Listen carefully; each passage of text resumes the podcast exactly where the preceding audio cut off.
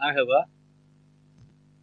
Bu programımızda Kamil Kartal ve ben Salim Çalık salgın koşullarında çalışma yaşamını konuşacağız. Tabii öncesinde Soma'dan çok güzel bir haber geldi. Soma'daki maden işçilerinin ve Ermenek'teki maden işçilerinin direnişini örgütleyen, önemli de kazanımlar elde eden Bağımsız Maden İş Sendikası'nın uzmanlarından olan ve mücadelenin içinde yer alan Kamil abiye bu haberle ilgili düşüncelerini ve yorumlarını almak için sözü bırakıyorum. Sonra biz salgın koşullarında çalışma yaşamına devam edeceğiz. Kamil abi sen de. Ee, evet herkese tekrar merhaba. Ee, tabii e, uzun bir e, mücadele süreci e, yaşandı e, Soma'da maden işçileriyle birlikte. E, yaklaşık iki seneye e, varan bir mücadeleyle geçtiğimiz yıl e, yaklaşık 2100 civarında işçi arkadaşımızın paraları ödenmişti. Özellikle bu katledilen e, katliamın olduğu madende 301 arkadaşımızın katledildiği madendeki işten çıkartılan arkadaşlarımızın tazminatları ödenmişti geçtiğimiz yıl. Daha doğrusu geçtiğimiz yılın sonunda. E, bu senede e, diğer yine Soma Kömürleri AŞ'ye bağlı iş yerlerinde çalışan e, yine toplamda e, yaklaşık işte 3500-4000'e yakın arkadaşımızın tazminat e, süreçleri vardı. E, bununla ilgili de e, bir yasal düzenleme yapılmıştı 28 Temmuz'da e, mecliste.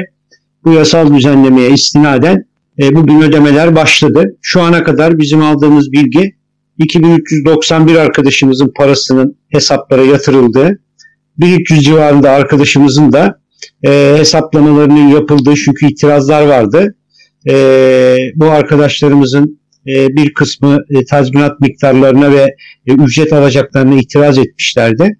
Bu itirazların değerlendirildiğini ve önümüzdeki haftadan itibaren de bu itiraz edenlerin maaşlarının yani e, kıdem ihbar ve diğer alacaklarının yaklaşık 1300 civarındaki arkadaşımızın da yatırılacağı e, ifade ediliyor. Ben emeği geçen bütün arkadaşlara destek veren, katkı sağlayan, çaba sarf eden e, bütün dostlara, yoldaşlara e, çok teşekkür ediyorum. E, Bağımsız Maden İşleri Sendikası adına da. Çünkü önemli bir mücadele. Özel sektörün ödemesi gerekip bırakıp kaçıp işçileri senelerdir yaklaşık e, 8-7 yıldır mağdur ettiği, Sarı Sendika ile işbirliği yaparak mağdur ettiği bir süreçti. Birikmiş sorunları e, yaklaşık 6-7 senedir e, birikmiş sorunları öyle e, durarak çözmek de mümkün olmadığı ortaya çıkınca bir e, ciddi bir mücadele süreci organize edildi. E, burada başta maden işçileri e, arkadaşlarımıza da e, teşekkür ediyorum. E, helal olsun e, bizim emeklerimiz e, arkadaşlarımıza da. E, önümüzdeki günlerde şimdi e, mücadele devam ediyor tabii Soma'da ve Ermenek'te. Yaklaşık 800 civarında uyar madenciliğin e, alacakları kaldı şimdi. Ayrılmışlardı biliyorsunuz bunları. E, bunlarla ilgili de e, geçtiğimiz çarşamba, geçtiğimiz hafta çarşamba günü e, bir Ankara'da bakanlıkta bir toplantı yapıldı. Bu toplantıda da hesaplamaların yapıldığı önümüzdeki günlerde bu e, uyar madencilikle ilgili de e, ödemelerin gerçekleştirileceği şeklinde bir yaklaşım sergiliyorlar. Onunla ilgili de takibimiz devam ediyor. Diliyoruz ve umuyoruz ki bu ay e, çıkmadan e, Ermenek ve Soma'daki uyar madencilikteki arkadaşlarımızın da e, paraları ödenmiş olsun. Evet. Sağ olasın abi. Ben de bir çift laf söyleyeyim. Çünkü aklımda, yüreğimde hep orada. Hala daha orada. Ama Türkiye Sınıf Hareketi açısından Soma'daki örgütlenmenin bugün değil tabii yaklaşık 4-5 yıllık süren örgütlenmenin mutlaka izlenmesi gerektiğini düşünüyorum. Sendikal hareketin dibe vurduğu koşullarda sayısal olarak az da olsa bir direnme biçimini öğrendik aslında. Son aşaması da senin öyle mi alay komutanı diye başlayan veya biten tirat denir, ne denirse denir oydu. E, bir de not düşmek gerekir aslında. Sürekli oradaki insanları işte iktidara destek olmakla suçlayan bir kitle de var, sol kitle. buradaki arkadaşlar, direnenlerin tümü, örgütleyenlerin tümü siyasi tercihleri ne olursa olsun doğru yöntemler, doğru önermeler ve doğru bir hat çizimiyle başarı elde edilebileceğini de gösteriyor. Bu yönde ben teşekkür ediyorum bu öğreticiliği yanıyla da. Umarım bundan sonraki mücadelede başladığı gibi sürer. Ben süreceğine de inanıyorum. Emeği geçen herkese de teşekkür ediyorum. Sağ ol. Bugünkü, bugünkü konumuz salgın koşullarında çalışma, ücretsiz izin, ücretsiz ödeneği, kısa çalışma ödeneği ve işten çıkarmalar tüp toplamı. Ben öncesinde zaman zaman sadece basın açıklamalarında dile getirilen çalışmama hakkını içeren 6331 sayılı yasanın bir iki e, fıkrasını okumak istiyorum. Yani ne anlama geldiğini anlamak açısından. İşçi sağlığı, iş güvenliği, iş sağlığı, iş güvenliği diye öncelikle buna itiraz etmek gerekiyor. En temelde ve her zaman. Niye iş sağlığı ve güvenliği? İşçi sağlığıydı bu eskiden. Aslında bu yasayı yapanlar da yasaya verdikleri isimle bile bir tercih belirtmiş oluyorlar. Önemli olan iş. Aslında bizim önemli olan işçidir de bu yasanın hazırlanması bu haliyle olsa bile sokak mücadelesi de dile getirmemiz gerekiyor. Kanun şöyle 5. maddesinde diyor ki bu 5 yani 25. maddeyi herkes söylüyor. Çalışmama hakkı orada düzenleniyor diye. Fakat önceki e, fıklarında da var. Bizim referans alabileceğimiz. 331 sayılı kanunun 5. maddesinde risklerden kaçınmak, risklerle kaynağında mücadele etmek, toplu korunma önlemlerine, kişisel korunma tedbirlerine göre öncelik vermek. Şimdi salgın koşullarında çalışmaksa eğer mevzu ve önlemde de toplumsal önlem, bireysel önleme tercih edilir diyorsa bu fıkra, e, kapanmak da yani daha doğrusu çalışmamak da salgınla mücadele için önemli bir durumsa o zaman bunu da referans almak gerekiyor. Beşinci fıkrası. 13. fıkrası da ciddi ve yakın tehlikeyle karşıya, karşıya kalan çalışanlar kurula yani sözünün ettiği kurul işçi sağlığı iş güvenliği kurulu kurulun bulunmadığı iş yerlerinde işverene başvurarak durumun tespit edilmesini ve gerekli tedbirlerin alınmasını alınmadığı durumda da e, kendisinin iş akdini feshetme yetkisi var. Tüm haklarını alarak ya da çalışmama hakkı var çalıştığı yere göre. Yine çalışanlar ciddi ve yakın tehlikenin önlenemez olduğu durumlarda birinci fıkradaki esasa uymaksızın iş yerini veya tehlikeli bölgeyi terk ederek belirlenen güvenli yere gider. Çalışanların bu hareketlerinden dolayı hakları kısıtlanamaz. Şimdi söz konusu olan salgınsa örneğin bir iş yerinde virüs olduğu tespit edilen birisi çıktı. Şu anki işleyişe göre orada çalışanlar iş yerini bile terk edemez. O virüslü arkadaş, çıkan kişi tespit edilip hastaneye götürülünceye kadar istirahatli olarak evine karantinaya gönderilinceye kadar ben bu arkadaşın olduğu yerde çalışmıyorum bile diyemiyor şu anda. Birçok insan ki buna ilişkin örnekler de yansıdı. İş yerinde hatta korona e, virüsüne yakalanıp ölen örnekler de oldu. E, aynı maddede iş sözleşmesiyle çalışanlar tedbir alınmadığı durumlarda söz, sözleşmeyi feshedebilir. Toplu sözleşme veya toplu iş sözleşmesiyle çalışan kurum personeli ve kamu çalışanları bu maddeye göre çalışmadığı dönemde fiilen çalışmış gibi kabul edilir. Daha 25'e gelmedik. Şimdi 25. madde. İş yerindeki bina eklentilerinde, çalışma yöntem ve şekillerinde ve iş ekipmanlarında çalışanlar için hayati tehlike oluşturan bir husus tespit edildiğinde bu tehlike giderilinceye kadar hayati tehlikenin niteliği ve bu tehlikeden doğabilecek riskin etkileyebileceği alan ile çalışanlar dikkate alınarak iş yerinin bir bölümünde veya tamamında iş durdurulabilir. Şimdi buna ilişkin dünyada da örnekler var. Belki en katı olanı e, siyaseten de veya demokratik açıdan da tartışmalı olanı Çin'de alınan örnekler. Örneğin geçtiğimiz hafta bir eyaletinde 100 kişide, günlük 100 kişide virüs saptandığı için 23 milyonluk kenti kapattılar tümüyle. Giriş çıkışlar yasak, iş yasak, okul yasak, her şey yasak. Böyle tedbirler alanlar var. Yine Almanya'da, yer yer İngiltere'de alınan kısmi e, tedbirler var. Şimdi bizde bunların hiçbirisi yok. Bizde bir eğitim alanında e, uzaktan eğitim ki onun da tartışmalı öğrencilerin olanakları açısından uygulanan var.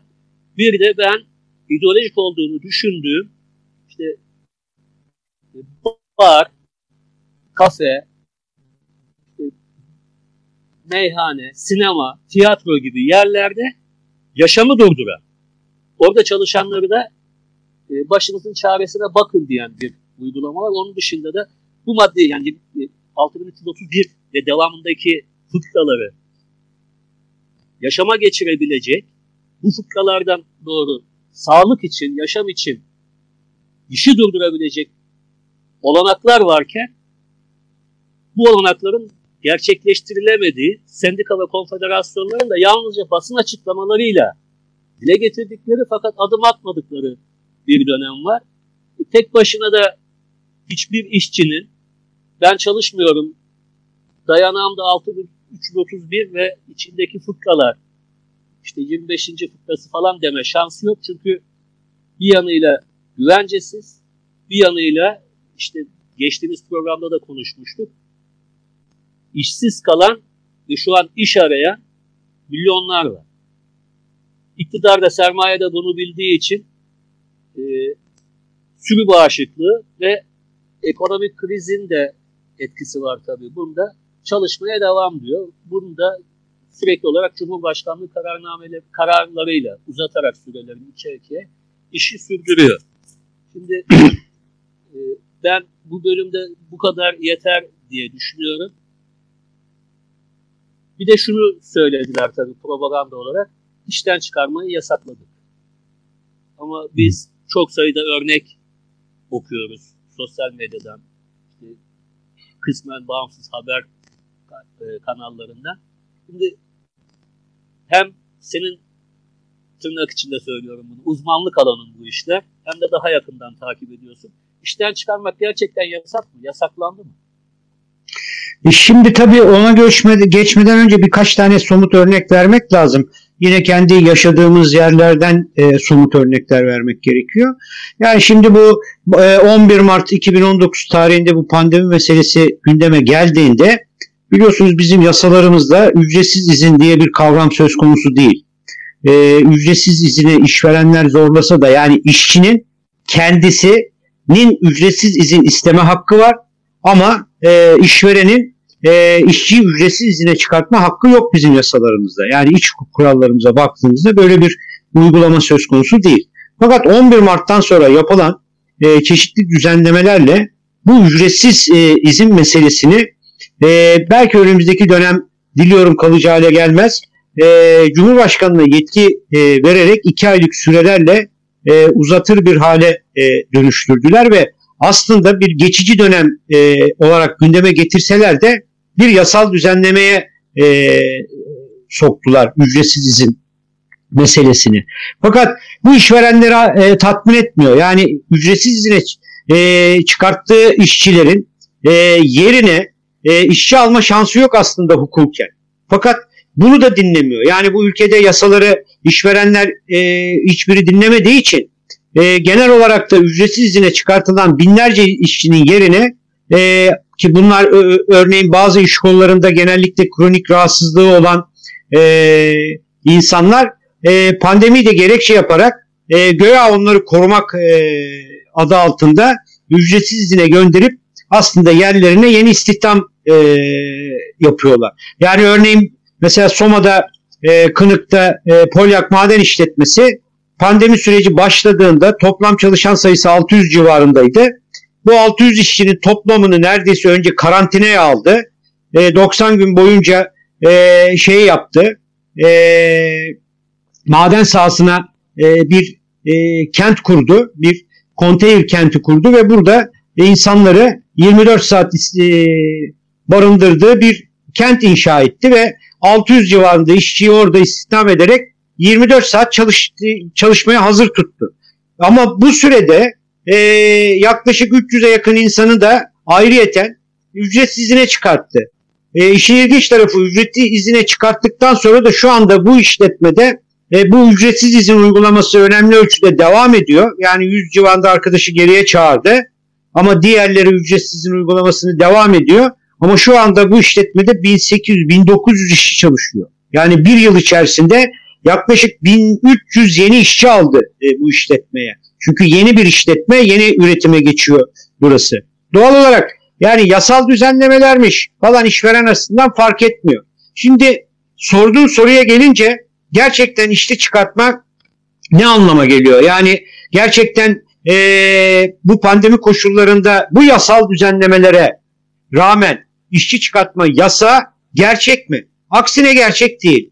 Yani şu anda e, işverenlerin eline başka bir koz verildi. Normalde yüzde 20 civarında 25'e 2 yani geçmiş istatistikleri falan dikkate aldığımızda işten çıkış oranlarına falan baktığımızda bu kod 29 diye tabir edilen SSK çıkış kodları yani 25'e 2 diye tabir edilen iyi niyet ve ahlak kurallarına aykırı davranmaktan dolayı iş aktifesi meselesi ortalama iş aktifeslerinde %20 civarındayken şu anda %100'e çıkmış vaziyette. Bakın %20 civarından %100'e çıkmış vaziyette.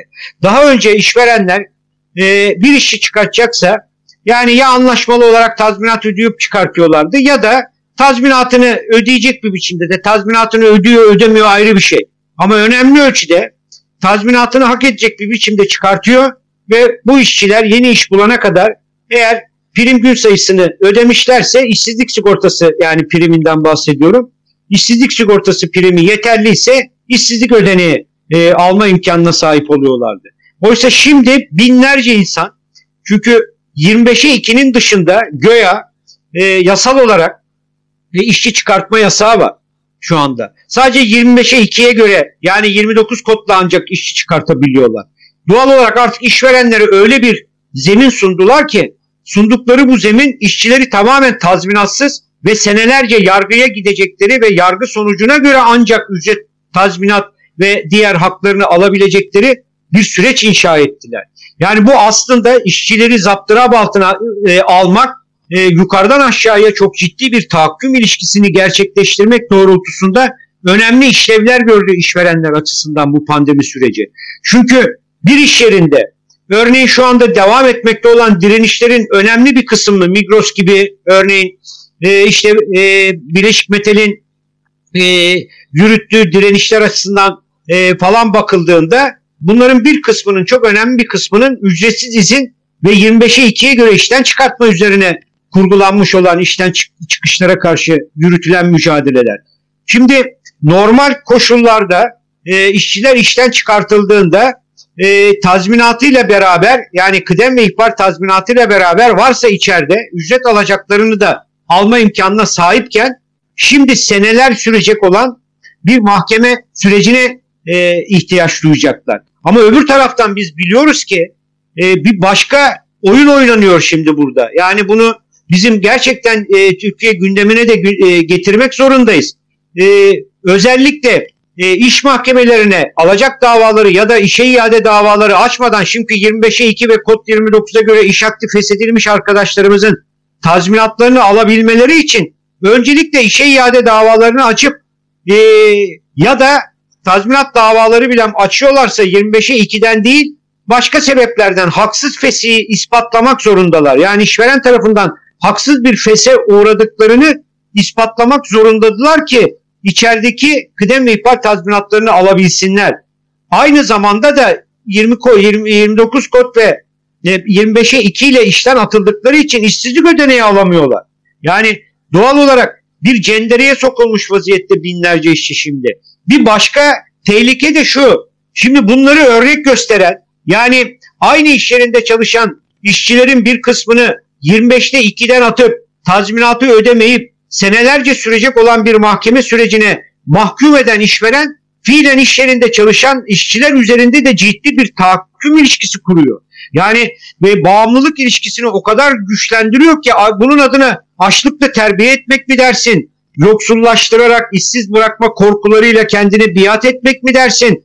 E, her dediğini kayıtsız şartsız kabul eden ve her türlü iş sağlığı, iş güvenliği koşullarına uymadan en kötü koşullarda ve işverenin ödediği ücrete zorunlu kabul eden bir e, düzlemi kabul eden bir e, üretim ilişkisinin yeniden dizayn edilmesi mi dersin ne dersen de sonuç itibariyle bunlar e, fiilen çalışmakta olan işçiler üzerinde de çok ciddi anlamda bir tahakküm ilişkisi oluşturuyor.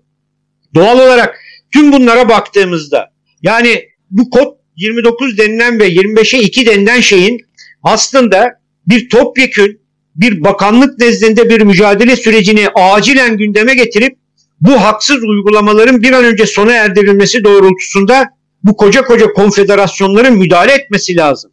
Şu anda geçen programda da altını çizerek ifade etmeye çalıştım. E, bugün irili ufaklı, e, kendiliğindenci ya da hak mücadeleleri temelinde yani hakları gasp edilmiş işçilerin o hakları gasp edilmiş hakları için e, sokaklara düştüğü e, yürüyüşler, direnişler organize ettiği işçiler ancak bunları gündeme getiriyor ve bunun e, ortadan kaldırılması doğrultusunda bir avuç insan mücadele ediyor.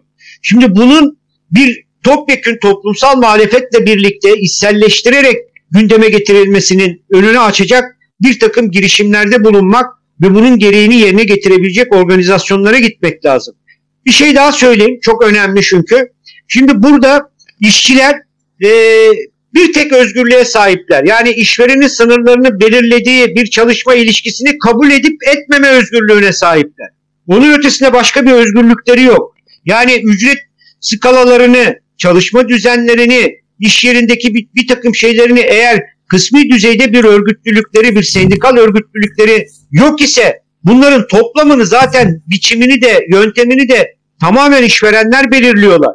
Doğal olarak bu çerçevede bakıldığında ciddi bir sorunla karşı karşıyayız. Bir de geçen hafta da tartıştığımız gibi asgari ücretin genel bir ücret haline geldiği ortamda pandemi koşullarını şimdi bu kod 29 ve 25'i 2'yi de tehdit olarak kullanan işverenler işçiler üzerinde çok ciddi baskılar oluşturarak gündeme getirmeye başladılar.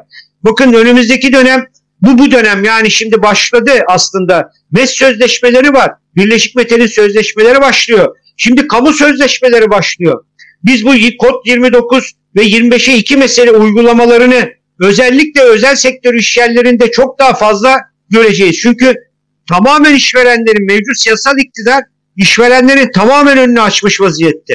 Doğal olarak buna karşı ortak birleşik bir mücadele zorunludur diye düşünüyorum. E, bunun şu anda irili ufaklı dediğim gibi e, fiilen mücadele eden, hak mücadelesi veren, hakları gasp edilmiş arkadaşlarımız bunu gündem yapan bir e, mücadele süreci inşa etmeye çalışıyorlar. Bunlara destek vermek, bunların yanında olmak, bu mücadeleleri birleştirmek doğrultusunda adım atmak gerektiğini düşünüyorum ve sendikaları, konfederasyonları da zorlayan, onların da e, bu süreci e, koordine edebilecekleri, en azından koordine edebilecekleri ve iş yerlerinde yaygınlaştırarak ortak bir tavrın organize edilmesinde işlev görecekleri bir yaklaşıma çekmek gerektiğini düşünüyorum. Senin söylediğine bir ek yapayım. Hem anlaşılır olur. Hem bizim iç mevzuatımıza göre hem uluslararası mevzuata göre sendika yöneticileri işten çıkarılamaz. Ama en son örnekte biz PTT sende gördük. Yönetim kurulu tümüyle işten atıldı hem sendikalar kanunu hem iş kanunu hem uluslararası mevzuat açısından suç. Ama buna rağmen bu suçu iş işlemeye devam ediyorlar. Senin de uyardığın üzere daha da devam edecek gibi görünüyor. Sen inşallah kalıcı olmaz demiştin bu uygulamalar için. Cumhurbaşkanına 2001-21 Haziran'ına kadar uzatma yetkisi de verildi. Yani sonrasını bilemiyoruz ama bir 6 ay daha devam edecek gibi görünüyor ve daha da uzayacak. Ee, sözleşmeler ve sözleşme dışı zamanlarda da sendikaların aslında mevzuatı da sözleşme masasına taşımaları gerekiyor.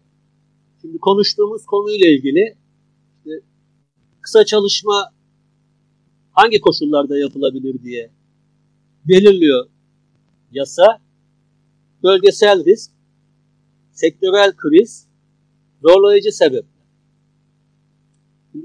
salgın işçilerden kaynaklı ya da işçilerin müdahil olabileceği bir şey değil. Kendisi hastalık olarak. Önlemlere bakıldığında konuştuğumuz gibi ya kısa çalışma ödeneğine gönderiliyor yani uygulanıyor ya da ücretsizine gönderiliyor. Üstelik de ücretsizin ahlaken de tersinden uygulanıyor. Çünkü tek taraflı bir uygulama bu. Normalde ücretsiz işçi tarafından talep edilebilir. Bunda talebe de bakılmıyor artık. Verilen yetkiyle işveren diyor ki seni ücretsizine gönderdim çağırdığım zaman gelirsin. Çağırıp çağırmayacağını da bilmiyorum. Bunun en kötü kullanımı da tabii sanıyorum Vestel'de de yaşanmıştı. İş yerinde salgın bulaşmış arkadaşlarımız var, virüs bulaşmış arkadaşlarımız var diyen ve işveren uyaran işçiler de işten atıldı. Başlangıçta söylemeye çalıştığım şey bu. Şimdi yanımdaki arkadaşım virüs kapmış, biliyorum. Patrona gidiyorum, bu arkadaş virüslü çalışmaması gerekir diyorum. Mecburen onu karantinaya gönderiyorlar, beni de işten atıyorlar. Niye? Kendimi ve yanımdaki arkadaşları korumak istediğim için, virüs bulaşmaması için işvereni önlem almaya davet ettiğim için. Bu bölgesel risk, sektörel kriz zorlayıcı sebepler. Bizi ilgilendiren kısmı burada, şeyi de sanıyorum buna dayandırıyorlar, zorlayıcı sebepler. Yasada da şöyle yazılmış, işverenin sevk ve idaresinden kaynaklanmayan, önceden kestirilemeyen, bunun sonucunda bertaraf edilmesine imkan bulunmayan, geçici olarak çalışma süresinin azaltılmasıyla sonuçlanan dışsal etkiler saymış yangın, sel, deprem, heyelan, salgın hastalık, seferberlik durumu. Peki işverenin inisiyatifiyle kaynaklanmıyor bunlar da işçilerin inisiyatifiyle mi kaynaklanıyor? Hayır. O zaman niye cezasını işçiler çekiyor ki biz bunu şeyde de gördük. Hatırlarsın 2008, 2010, 2009'da ve 2018'de de kısa çalışma ödeneği aslında özellikle. Kısa çalışma ödeneğini uygulamayan şirketlerin bir kısmı da ücretleri düşürdüler. Ya çalışacaksınız mesela Erdemir'i biliyorum ben %35 düşürmüştüm. Bütün ücretleri. En son Türk Hava Yolları'nda sanıyorum %30 civarında düşürdüler. Şimdi bu salgında da yine faturayı bize kesiyorlar. Bu sefer daha vahşi tabii. Asgari ücret üzerinden belirlendiği için kısa çalışma ödeneği ve ücretsiz izin ödeneği 1170 lira günlük. Kişinin çalıştığı iş yerindeki maaşı çok yüksek ve asgari ücretin üzerini aş, %60'ını aşıyorsa orada da diyor ki asgari ücretin bir buçuk katını aşamaz. Yani olur ya spesifik bir örnek olsun. 10 bin lira maaşla çalışan birisi bu yasaya göre normalde 6 bin lira ücretsizliğin ödeneği alması gerekir. %60 yazıyor çünkü. Ya da işsizlik şey, kısa çalışma ödeneği alması gerekir. Ama onu da demiş. Asgari ücretin bir buçuk katını aşamaz. E, niye? Yani ya da işverenlerin payına ne düşecek bu krizde? Şimdi birazdan yine söyleyeceğim ben şeyi. Birkaç e, madde var bununla ilgili. Toplumsal kesimler açısından bir tercih yapıyor iktidar. Yani toplamında 50 bin kişi falan sanıyorum başvurmuş. Küçük, orta, büyük vesaire işçi çalıştıran. Ama bütün bu uygulamalardan yalnızca kısa çalışma ödeneğinden etkilenen insan sayısı belki bunların bazıları 2-3 kez başvurduğu için sayı bu kadar yüksek olabilir ama bir fikir vermesi açısından. Nisan ayından bugüne 10 milyon 721 bin kişi için kısa çalışma ödeneği başvurusu yapılmış. Bu neredeyse toplam şu an fiili çalışanların %45'i kadar bir oran yapıyor. 1170 liraya ya da asgari ücretin %60'ı kadar bir kısa çalışma ödeneğine mahkum edilen 10 milyon 700 bin kişi buna karşılık yaklaşık 20 milyar liraya yakın sadece bu işler için destek alan patronlar grubu ya da sermaye. O zaman sendikaların örneğin bu sözleşmeye oturduklarında ücretsiz ödeneği dahil bugüne kadar işçilere verdiğiniz toplam para 6, bin, 6 milyar lira aynı dönemde patronlara sadece işçilikle ilgili işlemler için verdiğiniz para 18 milyar lira. Biz 10 milyon kişiyiz, onlar 50 bin kişi. Biz bu iş olmazsa yaşayacak bir durumumuz, halimiz yok, ölürüz açlıktan. Ama onlar sadece bugüne kadarki biriktirdikleri servetle hiçbir iş yapmasalar, hiç üretim yapmasalar bile yaşamlarını yıllarca sürdürebilecek varlığa sahipler. Tercih yap diye zorlamak gerekiyor. İnsanlara da bu yanıyla anlatmak gerekiyor. Belki buradan doğru bir çıkış olabilir diye düşünüyorum. Tabii daha kötü bir şeyi var bunun. Pek tartışılmıyor. Hem kısa çalışma ödeneğinde hem ücretsiz ödeneğinde emeklilik ciddi oranda etkileniyor. Yani bu şeyden biliyoruz. Yaşa takılanların yıllardır e, yaşadıklarını biliyoruz. Ücretsiz ödeneği ödenen işçiye yalnızca genel sağlık sigortası ödeniyor. Diğer sigorta birimlerine ilişkin ödemeleri yapılmadığı için ücretsizliğinde kaldığı süre kadar emekliliği ötelenmiş oluyor. Kısa çalışma ödeneğinde ise 30 e, gün üzerinden 20 gün çalışan 10 gün kısa çalışma ödeneği alan bir işçinin de emekliliği 10 gün ötelenmiş oluyor. Bu süre ne kadar artıyorsa o kadar. Yani çalıştığı süreye kadar hesaplanabilecek bir durumda. İlginç olan şey şu, örneğin iş, işsizlik sigortası ödeneğini de işkur ödüyor. İşkur da sanıyorum bir şeyden alıyor. İşsizlik sigorta fonu. Patronların bunlarla ilgili işlemlerini de devlet ödüyor. Peki patronlara ne düşecek bu krizin payından? Yani e, borca ortağız, krize ortağız, hastalığa ortağız ama refaha ortak değiliz. Sevince ortak değiliz, mutluluğa ortak değiliz. Ben daha e, bir ara yazmıştım. İşte bu zarar nedeniyle özellikle 2008-2009'da ücretlerin düşürüldüğü durumda önümüzdeki yıl %50 kar ederseniz onu da paylaşacak mısınız işçilerle? Şimdi şirketler kar açıklıyor. İşte vergi rekortmenleri açıklanıyor. Bir kısmı banka olmakla birlikte kriz döneminde %700-800 kar eden şirketler var. Kriz döneminde de e, kısa çalışma ödeneğiyle birlikte yaklaşık sadece krizden kaynaklı 13 milyon civarında da insan 1170 liraya bilemedin 1200 liraya mahkum edilmiş yaşamaya çalışıyorlar. Belki ücretsizliğinle ilgili de bir şeyi söylemek lazım. Sen bir miktar değindin ama 2020 Şubat ile 2020 Aralık ayı arasında 1 milyon 392 bin kişi işsizlik ödeneğine başvurmuş. Yani işten çıkarılmışlar ve işsizlik ödeneği almak için başvurmuşlar. Bunlardan yalnızca 477 bini hak edebilmiş mevcut yasaya göre. Şimdi o da 400 çalış... güne indirildi de ondan. İşte, 600 günden 400'e indirildi evet, göya. Haklı, haklısın. E şimdi o zaman sormak lazım. Benzer bir durumda bir patron işte son zamanlarda çokça gördük de bu beşli müteahhitlerin dışında da belki 100 milyon lira, şey milyar lirayı geçti sanıyorum bu patronlara verilen e, uzun vadeli faizsiz ya da destek adı olan para. Peki işçilere diyorsun ki prim gün sayısını karşılayamadın. Son çalıştığın 60 gün içinde 60 gün tam primin yok. Son 450 gün içinde 60 gün primin yok. E sana para da yok. E, o zaman aynı uygulamayı devletten vergi kaçıran patrona yapsana dememiz lazım bizim masaya oturduğumuzda. Ya da bizi açlığa mahkum ediyorsanız bizi yaşamla baş başa ya bu salgın için söylüyorum. Başınızın çaresine bakın noktasında bir noktaya savuruyorsanız aynı uygulamayı patronlar için de yapın diyebilmek gerekir. Ama daha ötesinde şunu savunmak lazım. Yaşam hakkı.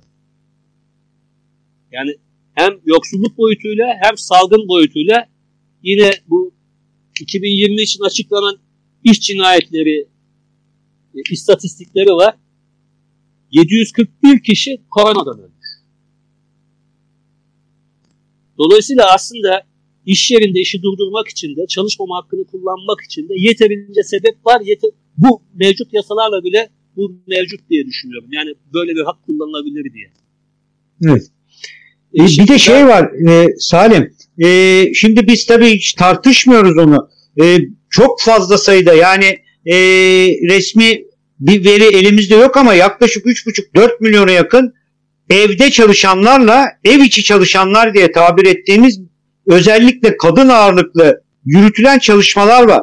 Şimdi bu çalışmaların çok önemli bir kısmı sekteye uğramış vaziyette ve bunların hiçbir tanesini yani çok önemli %90'ının neredeyse %90-99'unun belki evlerde hani mürebbiyelik yapan e, böyle istisnai e, bir takım unsurların dışında doğru dürüst günlük sigorta bir kısmının ödenen bir kısmının da tamamen sigortası çalıştıkları bir e, toplumsal kesit var. Bu e, e, ev içi ve evde üretim yapan e, unsurların e, hali daha vahim. Yani onlar herhangi bir işsizlik ödeneği, bir ücretsiz izin ya da kısa çalışma ödeneği falan gibi hiçbir şey e, alamıyorlar. Hiçbir şeyden de hiçbir haktan ve hukuktan da faydalanamıyorlar. Yani onunla ilgili önümüzdeki e, günlerde mutlaka bizim ayrı bir e, program yapmamız lazım diye düşünüyorum.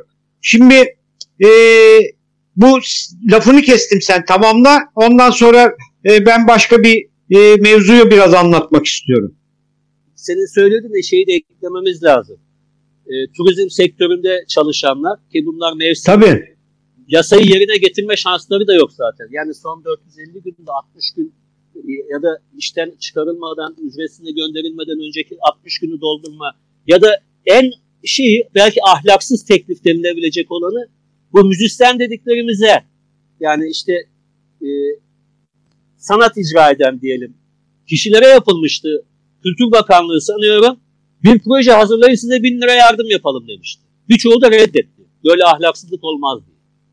Hı hı. Belki bunları toptan, hepten güvencesiz olan ya da sezonluk, mevsimlik çalışanları e, konuşmamız gerekir ayrı bir şeyde. Ama toplumsal muhalefete karşı da bu salgının kullanıldığını gördük. Yaşıyoruz hala daha. Bununla ilgili neler düşünüyorsun abi? E şimdi tabii bu e, salgın bir taraftan e, hem işçilerin mücadeleleri açısından hem işçilerin yaşam koşulları açısından e, önemli kısıtlamaları beraberinde getirdiği gibi aynı zamanda da e, toplumsal muhalefetin de e, önünü kesen bir işlev görüyor. Şu anda aşağı yukarı bütün valilikler e, neredeyse Türkiye'nin her yerinde e, biraz da gücü gücü yetene tabii e, bütün işte e, kaç vilayet varsa bütün vilayetin valileri e, bu il pandemi kurullarını gerekçe göstererek e, akıllarına geldikçe ha babam yasak ilan ediyorlar. Yani yok işte grev yasak, yok şu yasak, yok bu yasak, üç kişinin bir araya gelmesi yasak falan. Hatta o kadar ileri gittiler ki e, biliyorsunuz biz Ermenek'te e, yaklaşık işte 120-130. güne giren e, bir direniş devam ediyor. E, bir aydır Ermeniye sokmuyorlar sendika yönetimini ve maden işçilerini Güney Yurt'a sokmuyorlar. Yani maden işçileri bir kasabaya giremiyor. Yani orada bir tane maden işçisi girip, girip eylem yapacak diye sıkı yönetim ilan ettiler. E, sendikanın genel başkanı, sendikanın yöneticileri e, e, şeye giremiyor, e, ilçeye giremiyor. Yani e, şeyle tehdit ediyorlar. İlçeye girdiğinizde işte sizi ve 10 günlük sürece karantinaya, zorunlu karantinaya e, alırız e, şeklinde bir yaklaşım şey yapıyorlar. Eylemler biliyorsunuz izliyorlardır e, sevgili e, arkadaşlarımız. E, her hafta düzenli Cuma günü yapılan basın açıklamalarını arkadaşlarımız Ermeni'nin dağlarında gerçekleştiriyorlar. Dağlara çıkarak e, gündeme getiriyorlar. Ama e, diğer yandan yaşadık görüyoruz yani bu avukatlara e, avukatların hak mücadelelerini işte barolarla ilgili yürütülen e, bu baroları esir alma e, süreçlerinde çiftli baroluk kurulma süreçlerinde TTB üzerinde, KESK üzerinde, işçiler üzerinde sürekli pandemi bir gerekçe haline getiriliyor. Daha da ileri giden yaklaşımlar sergiliyorlar. Örneğin e, yine e, Bağımsız Maden İşleri Sendikası'nın müracaatıyla şehirler arası yolda yürünmez meselesi Anayasa Mahkemesi tarafından iptal edilince biz onu gündeme getirip bu son yürüyüşümüzde onu gerekçe yapıp biz Ankara'ya yürüyeceğiz dediğimizde bu sefer önümüze pandemiyi çıkarttılar.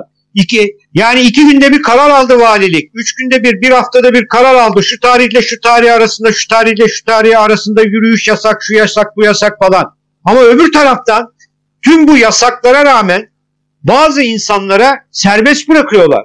Yani örneğin şu anda AKP'nin bütün kongreleri serbestçe yapılıyor. Ama barolar kongre yapamıyor. Ya da TTB kongre yapamıyor. Ya da işte sendikalar kongre yapamıyor. Vesaire. Yani bir taraftan siyasi partilere kongre yasa söz konusu değilken ama diğerlerinin bütün eylem ve etkinliklerini gündeme getiriyor.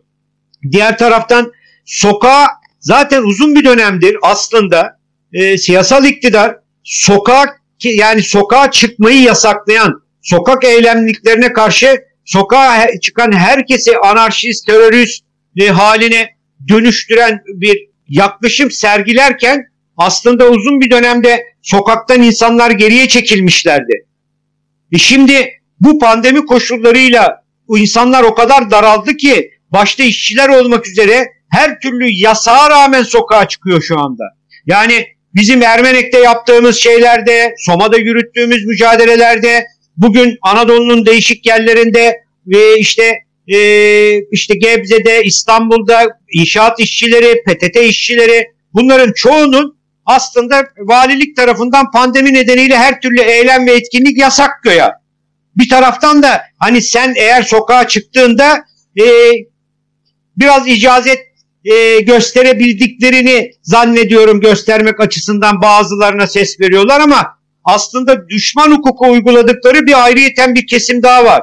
O düşman hukuku uyguladıklarına zaten asla hiçbir yerde müsaade etmiyorlar. Bugün İstanbul'da da e, il binasındaki toplantılarını bastılar. Yani il binası içerisinde yapılan toplantılara bile müsaade etmiyorlar. Doğal olarak Türkiye çok önemli bir biçimde pandemi, siyasal iktidar ve egemenler e, kendi çıkarları doğrultusunda gündeme getirdikleri bir araç haline, bir yasak araç, yasaklama aracı haline e, dönüştürdüler.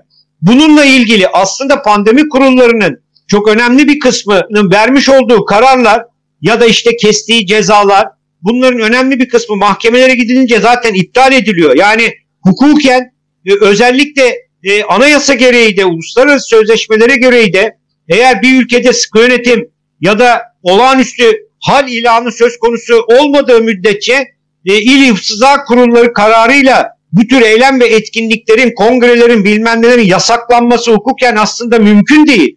Ama tabi bu ülkede hukuktan bahsedemeyeceğimize göre istediklerine istediği bir biçimde bir uygulama meselesini gündeme getiriyorlar. Ama her şeye rağmen yaşanmakta olan süreç insanları kaçınılmaz olarak sokağa çıkartıyor. Kaçınılmaz olarak çıkartıyor.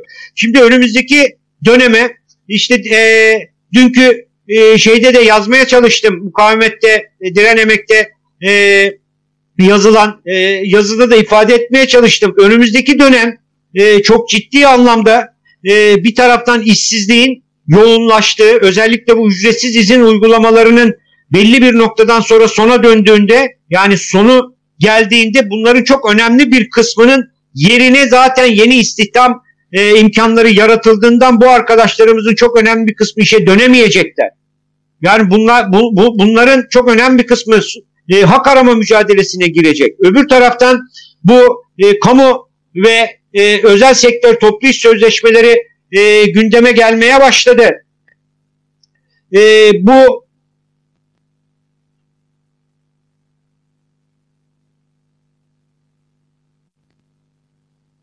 gündeme gelmeye başladı. Buna karşı da bir hazırlık yapmak gerektiğini e,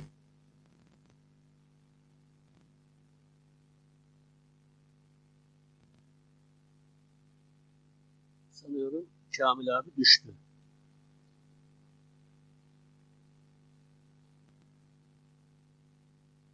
Evet düştü. Ben bu arada